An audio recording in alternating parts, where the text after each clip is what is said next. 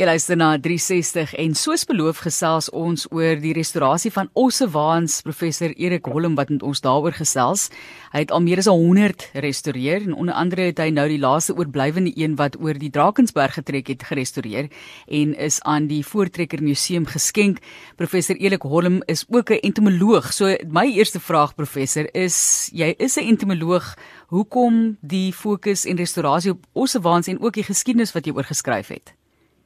Ja, nee, dit is maar my eh, groot liefde, jy weet. Dit is eh, 'n uh, liefde wat maar so in die familie loop. En uh, uh van van van Daf, hy was 'n groot handwerker in die familie. Ja. Ons het so 'n geweldige nostalgiese assosiasie of verbintenis dan met die Ossewa. Natuurlik, soos hy ook geskryf het, Ossewa en sy spore, onvermydelik dat mense dan nou assosieer met die groot trek en daardie geskiedenis. So jy moes seker ook baie navorsing gaan doen het voordat jy met enigsins hierdie projekte begin het. Ja, ek uh, bou al seker 30 jaar aan die goed wat dit nou my my stokwerk en my liefde is, né? En uh die uh Eh, die navorsing wat 'n mens doen is maar uh, deur jou werk, né, deur die uh gewerskap met die goed.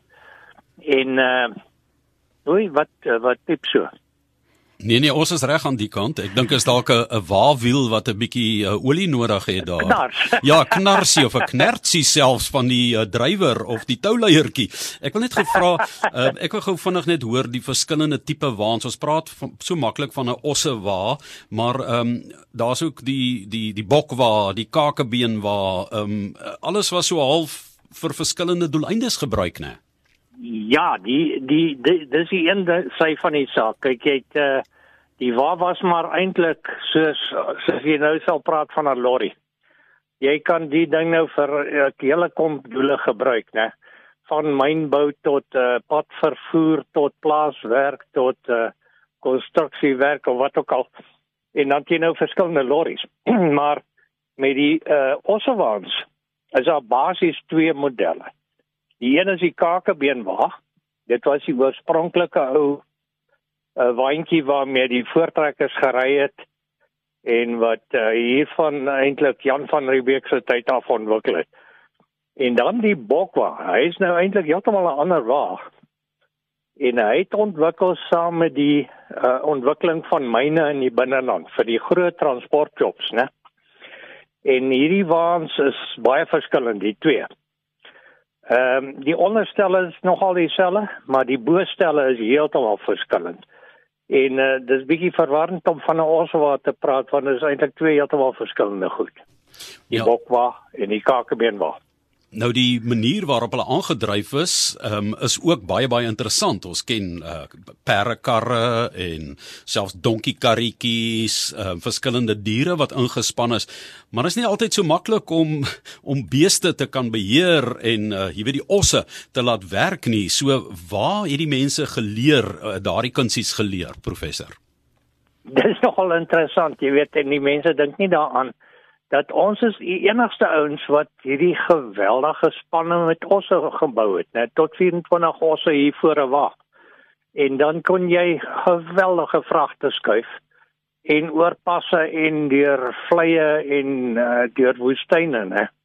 En die uh, res van die wêreld het nooit osse so ingespan nie. Dit is 'n heeltemal 'n Suid-Afrikaanse idee en waarskynlik omdat ons treine nooit van die grond af gekom het nie en die nou weer omdat die Engelse en die Republieke in die binneland natuurlik nou nie oog tot oog gesien het en die treinspore het nooit voltooi na die hawens toe nie. So die Ossewa is eintlik uh het sy groot vleur beleef in die tyd van die uh, uh ontwikkeling van die Republieke, né, in die binneland. En hierdie osse inspannery het uh, direk gekom van die leerbare osse van die koi. Want die Hottentotte daar in die Kaap het uh, vegosse en draosse en ryosse gehad. En jy ry ons nie met 'n uh, met 'n uh, leisel nie. Jy ry hom met die stem. Jy sê vir hom links en regs en jy sal hom miskien bietjie pits as hy daar uh, voor jou loop Maar uh, eintlik beheer jy met die stem. Die osse was geweldig gehoorsaam. En elkeen het sy naam geken. Dis amper soos honde, né? Hulle hulle het hulle naam geken. En jy kon 'n os wat nou loop en leeg lê hier in die middel van die span roep op sy naam en sê en dan tel hy sy ore op, hè. Dan kan jy hom so 'n bietjie aanhelp. Maar natuurlik dan ook nou die sweep was nou altyd ook 'n ding dan hierdie lang sweep kon jy uh, os wat hier 4 5 osse voor jou loop kon jy raps of net by sy oor raps laat hy wakker word. Die uh, sweep was selde gebruik om die osse seer te maak. Hy was eintlik gebruik om met hulle te praat. Die klapgeluid en dit was nou ja die klapgeluid. Dit is geweldige harde knal wat jy kan maak en dan het jy hulle die die kuns was eintlik om so lank sy osse oor te klap. As hy nou nie mooi wil luister nie dan sy weer wakker né? Mm, professor. Professor Erik Holm is ons gas hier entomoloog restaureerder van ou osse en skrywer van die osse waans sy spore en bedryf ook dan die osse waar lodge daar by Hartbeespoort dam waar jy in 'n osse wa kan gaan slaap. In 2019 is die senior kaptein Scott medalje deur die Suid-Afrikaanse Akademie vir Wetenskap en Kuns aan hom toegeken maar ehm um, professor Erik wat vir my nogal fascineer van die osse wa is die belangstelling om dit te restoreer en in die boek word daar verwys dat daar 500 omtrent besoek is uh, deur die navorsing wat jy gedoen het. So ehm um, dit moes 'n besondere ervaring gewees het. Was hulle in 'n baie goeie toestand hierdie 500 ossewaans deur die land? Ja, party poik hoor, eh, want uh, die mense het 'n groot pietyd ontwikkel vir die goed met reg, want ek meen dit is so volksbesit, né? en so eienaardigheid van Suid-Afrika. Dis so boere idee. Maar dan is daar ook nou baie wat net eenvoudig uitgegooi is. Kyk, uh, jy kan ook verstaan hè. As jy uh, begin trekkers en goed gebruik en nie meer osse nie, dan is daai ding in die pad en hy's groot en hy staan die hele stoor vol. Uiteindelik eindig hy daar onder die bloekombome in die agterplaas en uh, uiteindelik word hy vuur mee gemaak, né? want so waar wat buite staan. Nou ja, 5, 6 jaar dan sy daarmee heen, né? Want die goed het in hulle het in die waanhuis geslaap. Dit is eintlik 'n ding waar jy moet oppas, né? En wat jy ook elke jaar weer moet verf want hy verweer nou in die wind en weer en die reën. En dan word hy weer geverf want hy is mos nou van hout, né? En dan weer daai mooi beskildering, daai pragtige bouwermalery op die goed moet dan weer aangebring word. Dit was 'n hele beroep. Net hierdie goed versier, né? Soos vandag nou 'n uh, spray painter van uh, karre was daar in elke dorp waar skilders wat net dit gedoen het, né? So interessante geskiedenis wat ons vandag meer van leer. Professor Holm, as mens nou kyk na die aard van die Suid-Afrikaanse ossewaans, as jy vir ons bietjie kan uitbrei, jy weet mense dink aan hoe gehard die mense was met die groot trek, byvoorbeeld, was ons ossewaans ook gehard en dan die waarde van die Laas Marits waan. Ja, nee, kyk hierdie waans van ons was beroemd wêreldwyd. Ons besef dit eintlik nie hoe beroemd hulle was nie. Maar as jy van die ontdekkingsreisigers soos Kolbe en Liechtenstein en uh, die ouens van Duitsland as hulle in hulle reisverhale skryf hierdie waans is beter as enige iets wat in Duitsland loop beide in kwaliteit en in afwerking en in kunsinnigheid. As dit 'n kompliment hè want die Duitsers uh, is nogal trots op hulle handewerk So hierdie is ongelooflike goeie sterk en mooi waans. Dit was die sterkste waans wat ooit in die wêreld gebou is hierdie wat wat met uh, diere getrek is. En selfs die kakebeen wa wat maar 'n klein mandjie was. Hy is so 1 tonner en hy's binne nie groter as 'n minibus nie, né? En daarin het die ons nou vir die toekoms gepak. Is eintlik verbuisterend want wat hulle alles moes saamvat en aan dink nê van saad van hulle toekomstige boerdery tot houtgereedskap tot uh, skietgoed tot boeke viole alles was in daai waan hè. Uh, dan uh, is dit eintlik verbuisterend wat hulle daarin gekry het in so 'n klein waantjie. Later het hulle groot sterk waans gebou vir die industriële gebruik wat nou transport gery het wat eintlik die treine se werk gedoen het van die Kaap en van die hawens in uh, Natal en in die Oos-Kaap tot na die binneland. En daai goed kon tot so 10 ton dra as jy 'n grootte het, né? Sjoe.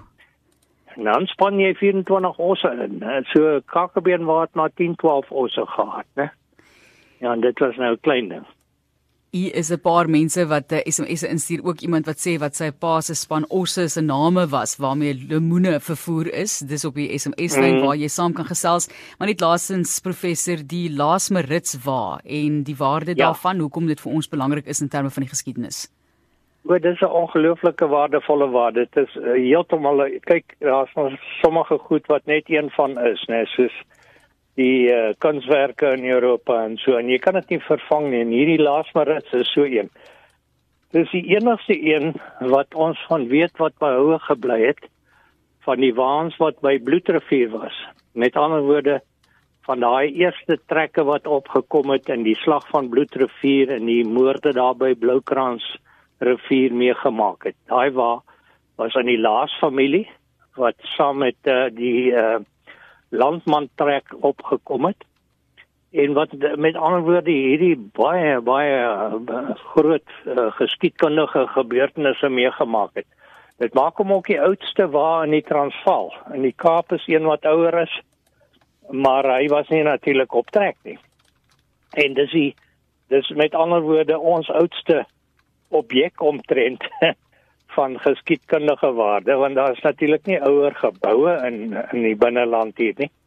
En hy is nou al die jare mooi opgepas deur die laerskooltjie in Amersfoort. En uiteindelik uh is hy nou geskenk aan die FHK en die uh, Voortrekker Monument. En by die geleentheid het hulle besluit om die ding vir my te gee om te restoreer. Nou wat 'n voorreg, né, om aan so iets te werk. So dis soos iemand wat kuns uh, restoreer om aan die Sistynse kapel te werk of aan die, aan die Mona Lisa, né? En uh, ek kon toe die hele ding so oorspronklik moontlik herbou. En hy staan nou in al sy glorie daar in die senotaafsaal van die Voortrekker Monument en dis waar hy hoort, hoor. Ja, dis baie mooi. Hier intussen toe iemand hoor ons praat oor restaurasie wat in 1983 BMW R80 ST motorfiets ligskakelaar se ehm um, speedo agterlig soek, maar ons kan nie nou daarmee help nie. Dit is 'n heel ander storie. Nee. dis 'n ander vorm van restaurasie, maar ehm um, professor baie dankie vir die uh, interessante inligting. Mens kan ure om 'n kampvuur sit en gesels oor Ossewaans, die restaurasie daarvan en mense kan gerus die boek nader sleep, die Ossewa en sy spoor spore want ook die ja. nalatenskap in ons pragtige ehm um, taalgebruik soos ons wat sê hoekom trek jy altyd so sywaarts of maar Telies hoekom is jy ja, vandag so ja, ja. dwars dit kom uit uit die uit die trekkerry uit uit die en, en ons dink ja, dis ja. dit was daar hè die 100 daar's oor 100 spreekwoorde wat ek bymekaar gemaak het in die boek en liedjies nê en reisers en al die mooi volksdinge en dan ook hierdie os rympies van al die os name koslik jy weet. Hierdie goed is regtig so pragtig. En dit is die spoor waarvan ek praat hè die spoor wat die os waar eintlik gelos het in ons kultuur. Professor Erik Holm baie dankie vir die jare se harde werk. En mense as hulle ooit daar by Harties Hartbeespoortdam verbyry gaan slaap oor in 'n osse waar om te voel hoe dit gebeur het vroeër jare. Sterkte vir julle daar met al die werk ook wat nog voor lê. Dankie Dis professor Erik Holm, entomoloog, restaureerder van ou Ossewaan, skrywer van skrywer van die Ossewa en sy spore en hy die Ossewa Lodge daar by Hartbeespoortdam begin en nou ook dan deur die Suid-Afrikaanse Akademie vir Wetenskap en Kuns uh, vereer vir die werk wat hy gedoen het. In 2019 is die senior kaptein Scott medalje aan hom toegekend.